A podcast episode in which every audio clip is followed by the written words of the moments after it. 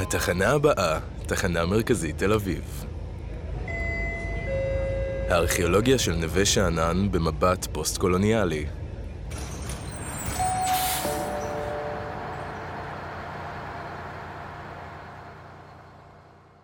שלום, כאן שגיא פריימן. נתנאל רינון. ורוני ספיר, סטודנטים לארכיאולוגיה ותרבויות המזרח הקדום באוניברסיטת תל אביב. והיום נדבר על נווה שאנן. לא, לא התבלבלנו וגם אתם לא. למרות שאנחנו ארכיאולוגים, אנחנו הולכים לדבר על שכונה בהווה. אנו ניגש לנושא בשתי אספקטים שונים. ראשית, נבחן מושגים והגדרות מתוך המהדורה השלישית של The Post-Colonial Studies The Key Concept של ביל אשקרופט על מקרה הבוחן של השכונה בראי ההווה. ושנית, נבוא ונבחן את השכונה במבט מהעתיד כאתר ארכיאולוגי, ונשתבש בתרבות החומרית ובממצא שעשוי להשתמר בה על מנת לבחון הגדרות מהמילון. אנחנו נציין את מה שראינו בשכונה, למרות שלא להכל תישאר עדות ארכיאולוגית, וזאת כדי להשלים את התמונה החסרה של אתרים ארכיאולוגיים דרך התבוננות על ההווה. אז מה זה בעצם פוסט-קולוניאליזם? גישה זו התפתחה בסוף שנות ה-70, על מנת לדון בהשפעות התרבותיות השונות של הקולוניזציה. קולוניזציה היא מפגש בין שתי תרבויות או יותר, כאשר לצד אחד במפגש זה יש יותר כוח פוליטי וכלכלי. כל מפגש כזה הוא שונה בהתאם לאזור המגע שלו. בעבר חוקרים הניחו שיש צד אחד משפיע וצד אחד מושפע. פוסט-קולוניאליזם מניח ששני הצדדים הם בעלי השפעה הדדית. כיום, המונח משמש בדרכים רבות ומגוונות, כמו ניתוחים היסטוריים, פוליטיים, סוציולוגיים וכלכליים. כאשר אשקרופט מתייחס לגישה הפוסט-קולוניאלית, הוא גם מציין את הוויכוח הקיים בדבר גבול המונח. אנחנו, כארכיאולוגים, נוטים למשוך את הגישה לאחור, כיוון שעדויות לאימפריאליזם וכיבושים קולוניאליים מוכרים מתקופות עתיקות, מהן יש בידינו כיום רק עדויות חומריות. כתוצאה מכך, ניתן להלביש את הגישה הזו על המחקר הארכיאולוגי. עכשיו כשהבנו מה זה פוסט-קולוניאליזם, בואו נדבר על השכונה. נווה שאנן בדרום תל אביב ידועה כיום כשכונה שמתגוררים בה קבוצות מהגרים ומיעוטים. כשהגענו לסיור בשכונה ביום שבת, יום שבת, סטודנטים חרוצים. שמנו לב שביוב זורם ברחובות, התשתיות ברמה ירודה, יש הזנחה גורפת, וללא ספק, המבנה הדומיננטי ביותר בשכונה הוא תחנת המשטרה שממוקמת בלב גן לוינסקי וחולשת על הסביבה. בארכיאולוגיה אנחנו מתעסקים הרבה במבנים, ואלו מלמדים אותנו אודות החברה והדינמיקה שלה. כבר מההתייחסות לארכיאולוגיה של הנוף בשכונת נווה שאנן, עולה תמונה שיכולה לרמז אולי על אופי השכונה והאוכלוסייה שמתגוררת בה. הדבר הראשון שראינו בנווה שאנן זה הרבה צבעים. יש בה מגוון רחב של אנשים ממוצא גזעי שונה, בעיקר ממוצא אסיאתי ומוצא אפריקאי. דבר זה מוביל אותנו להגדרה של גזע במילון. גזע הוא מושג אשר מקטלג בני אדם לקבוצות לפי אלמנטים פיזיים, ביולוגיים וגנטיים. ההנחה מאחורי זה היא שבני אדם מחולקים לסוגים בלתי ניתנים לשינוי. רגע, אבל יש כאן משהו מעניין. הארכיאולוגיה היום עושה שימוש נרחב במדעים מדויקים, וקיימים מחקרים שעוסקים בחקר DNA קדום, על מנת לנסות לזהות זהויות אתניות. מחקרים כאלו יכולים תאורטית לפתור הרבה בעיות בזיהוי ארכיאולוגיה של הגירה ותרבויות חוץ, ממש כמו במקרה של שכונת נווה שאנן. ראוי לציין כי מחקר זה נמצא בתחילת דרכו, ותוצאותיו עדיין אינן חד משמעיות. אבל יש גם צד שני למטבע. כי המחקר הזה מעלה שאלות רבות בנוגע לקשר בין זהות של אנשים למאפיינים ביולוגיים. וכן, האם הזהות היא הבסיס לבחירות תרבותיות? הגנים לא בהכרח נובעים מגנים משותפים, אלא מזהות שאנחנו בוחרים לקבל על עצמנו.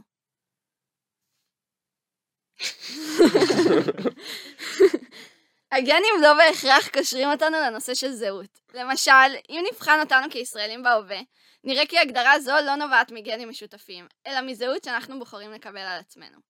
בדוגמה של נווה שאנן למשל, אנחנו יכולים להסתכל על תושבי השכונה בזהות שמכלילה אותם כמהגרים, אבל אם נבחן את המקרה מקרוב, הקבוצה הזאת מורכבת מהרבה תת קבוצות שמגיעות ממקומות אחרים, בעולם, ויש להם זהות אתנית שונה.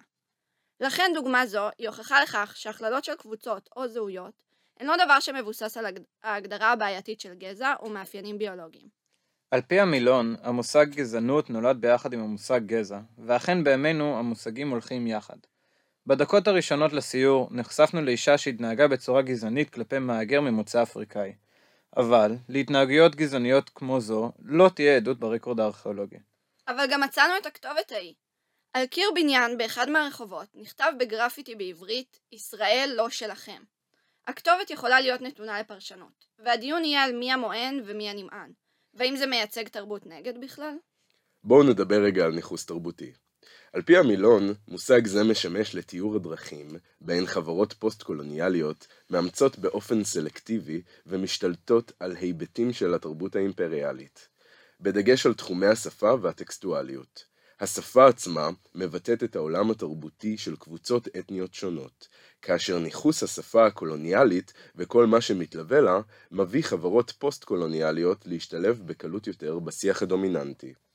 הופתענו לשמוע שיח בעברית בין תושבת השכונה, ממוצא אסיאתי, לבין מוכר בחנות ממוצא אפריקאי. מצאנו ביטויים נוספים לניכוס תרבותי במפגש עם ילדי פליטים שנולדו בארץ ונקראו בשמות מקומיים נפוצים, כמו דוד וליהי, ודיברנו עם אמם בעברית. ראינו גם שלט גדול בעברית, שנתלה מטעם העירייה במדרחוב של נווה שאנן, שמסביר על ההיסטוריה של השכונה מהקמתה ועד היום. אם הייתם שמים לב שמסביב היו רק אנשים ממוצא אפריקאי ואסייתי, שלא בהכרח יודעים לקרוא עברית, גם אתם הייתם תוהים מה השלט עושה שם? אחת ההיתקלויות המוזרות הייתה עם דגל על דלפק בחנות תקשורת סינית, שעליו מנורת שבעת קנים בצבעי כחול ולבן, עם הכיתוב יהובה יהושע בכתב עברי קדום. כששאלנו את בעל החנות על הדגל, הוא התקשה להסביר לנו, ואף חשב שהכתב הוא אלפבית רוני, שמקורו בצפון אירופה. ההיתקלות בדגל מצטיירת כניכוס תרבותי, אך הוא לא מובהק ומעניין מה ארכיאולוגים בעתיד יחשבו על זה. מעניין שבמילון אין התייחסות לניכוס ההפוך של האוכלוסייה הישראלית. אבל אנחנו ראינו אותו. ישראלים שהולכים לאכול במסעדות אתניות, כמו שאנחנו עשינו ומאוד ממליצים, כלי עצמות במספרות אפריקאיות, קניית מוצרים אקזוטיים בחנויות של מהגרים, ואפילו שיח ברשתות החברתיות. כמו קבוצת הפייסבוק בשם גרגרני שאנן, שעוקבת אחרי מקומות שווים לאכול בהם בשכונה. בואו נדבר על הפיל שבחדר, אתניות. אתניות מתייחסת לסוגים השונים של בני האדם במונחים של תרבות, מסורת, שפה ודפוסים חברתיים, כאשר הזהות האתנית של אדם לא יכולה להילקח על ידי אנשים אחרים. מונח זה עוסק במיזוג של ערכים משותפים, אמונות, נורמות, טעמים, התנהגויות, חוויות, זיכרונות ונאמנות. קבוצה אתנית מובחנת על ידי אחרים ועל ידי עצמה באמצעות קריטריונים לאומיים וחברתיים. בהקשר של הגירה, מדובר על קבוצת אנשים עם אבות משותפים, מיתולוגיים או היסטוריים, ובעלי תחושת שייכות ורקע של הגירה. דוגמאות לביטוי של קבוצות אתניות שונות מצאנו בשפע בביקורנו בשכונה. אני אקח אוויר רגע.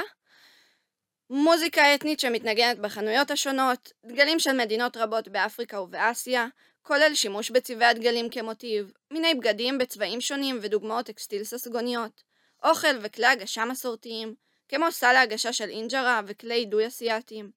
עדויות רבות לסוגים מגוונים של כתב לא מקומי על שילוטי חנויות ומודעות רחוב. מנהגים אתניים בהם נתקלנו, כמו נשים מקוננות על מות מכר, ומנגד חתונה.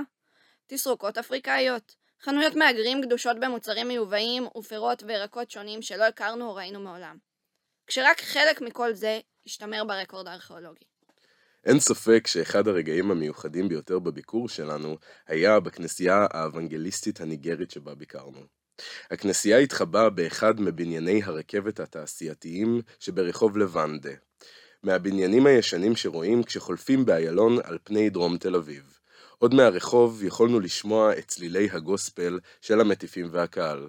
בואו נשמיע לכם רגע איזה הקלטה אה, מהביקור שלנו.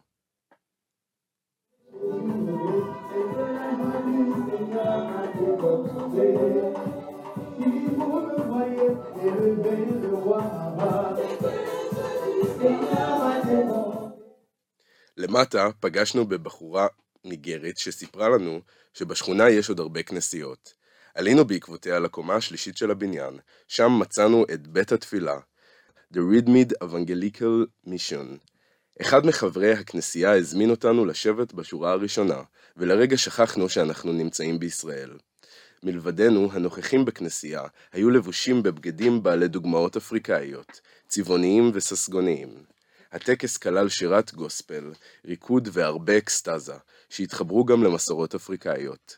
החלל הרגיש כמעט מאולתר, לא היו בו סמלי צלבים כפי שהיינו מצפים.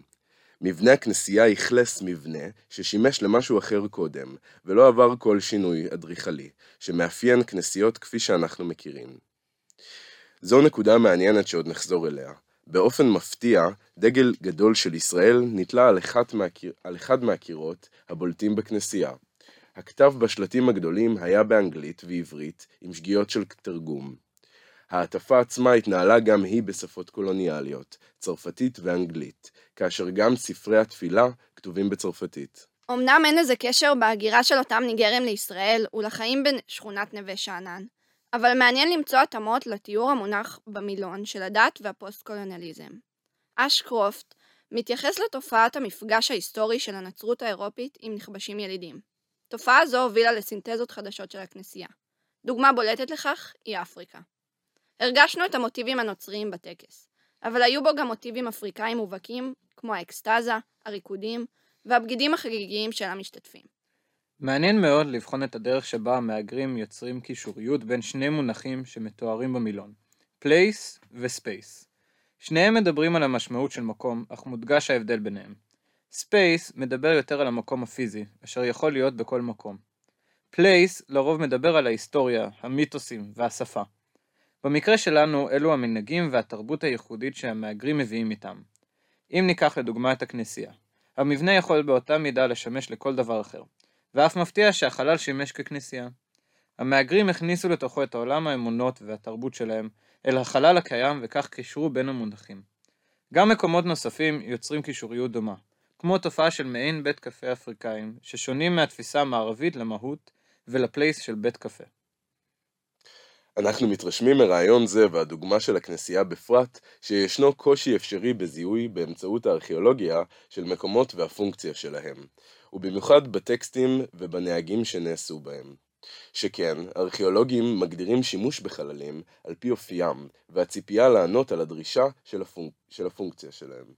רעיון זה בולט במיוחד במבנה של כנסיות, אשר בנויות במרבית המקרים עם אל... אלמנטים אדריכליים שחוזרים על עצמם, כגון אפסיס, אמבולטוריום, טרנספט ועוד. במקרה הזה, השינוי בשימושו של החלל לא כלל שינוי והוספה של אלמנטים כאלו, על מנת להתאים את המבנה לתפקודו החדש. לכן, יש כאן ערעור על הציפייה שקיימת בתפיסה של זיהוי פונקציה של חללים ומבנים דרך המונחים של space ו place. באופן כללי, נראה שהרבה ממה שראינו בנווה שאנן, כמו מסורות ואף תרבות חומרית, שייתכן ולא תשתמר, לא יימצאו במחקר הארכיאולוגי. עובדה זו מעלה בדעתנו את כמות המידע אשר אובד במשך הזמן, ומקשה על ארכיאולוגים בזיהוי של אוכלוסיות, מסורות ופונקציות. ניתן לתהות האם יתאפשר לארכיאולוגים בעתיד לזהות את אוכלוסיית המהגרים של נווה שאנן. העניין מסתבך עוד יותר בשל מקורות ההגירה הרבים של תושבי השכונה, שלצופה מבחוץ נדמה כיחידת אחת. לאור כל זאת, מרגיש לנו שבניתוח הממצא החומרי שסקרנו, עולה בכל זאת תמונה של אוכלוסייה שונה. אוכלוסייה בעלת מנהגים שונים, כתב ושפה שאינם מקומיים, תרבות אכילה וכלים אחרים, מנהגי לבוש שונים. כל אלו נבדלים למול השכונות שמסביב והתרבות המקומית. בנוסף, נתקלנו גם בהרבה ניסיונות לנכס סמלים מקומיים, חלקם בצורה ישירה, וחלקם בצורה שעוברת התאמה. הבחנו גם במספר רב של כנסיות בשכונה, שלא מופיעות בנוף המקומי בסדר גודל כזה, ועם מאפיינים מבניים שכאלה. לסיום, נשאלת השאלה, מתוך העיקרון של הגישה הפוסט-קולוניאליסטית, כיצד התרבות של שכונת נווה שאנן משפיעה על התרבות המקומית? זאת שאלה רחבה שקשה לענות עליה, ואולי לצורך כך, יש לבוא ולבחון זאת בעתיד, דרך שינויים וניכוס שהופיעו בתרבות המקומית, לאור ההשפעה של תרבות השכונה. בנימה זאת, נאחל לארכיאולוגים של העתיד בהצלחה. Yeah.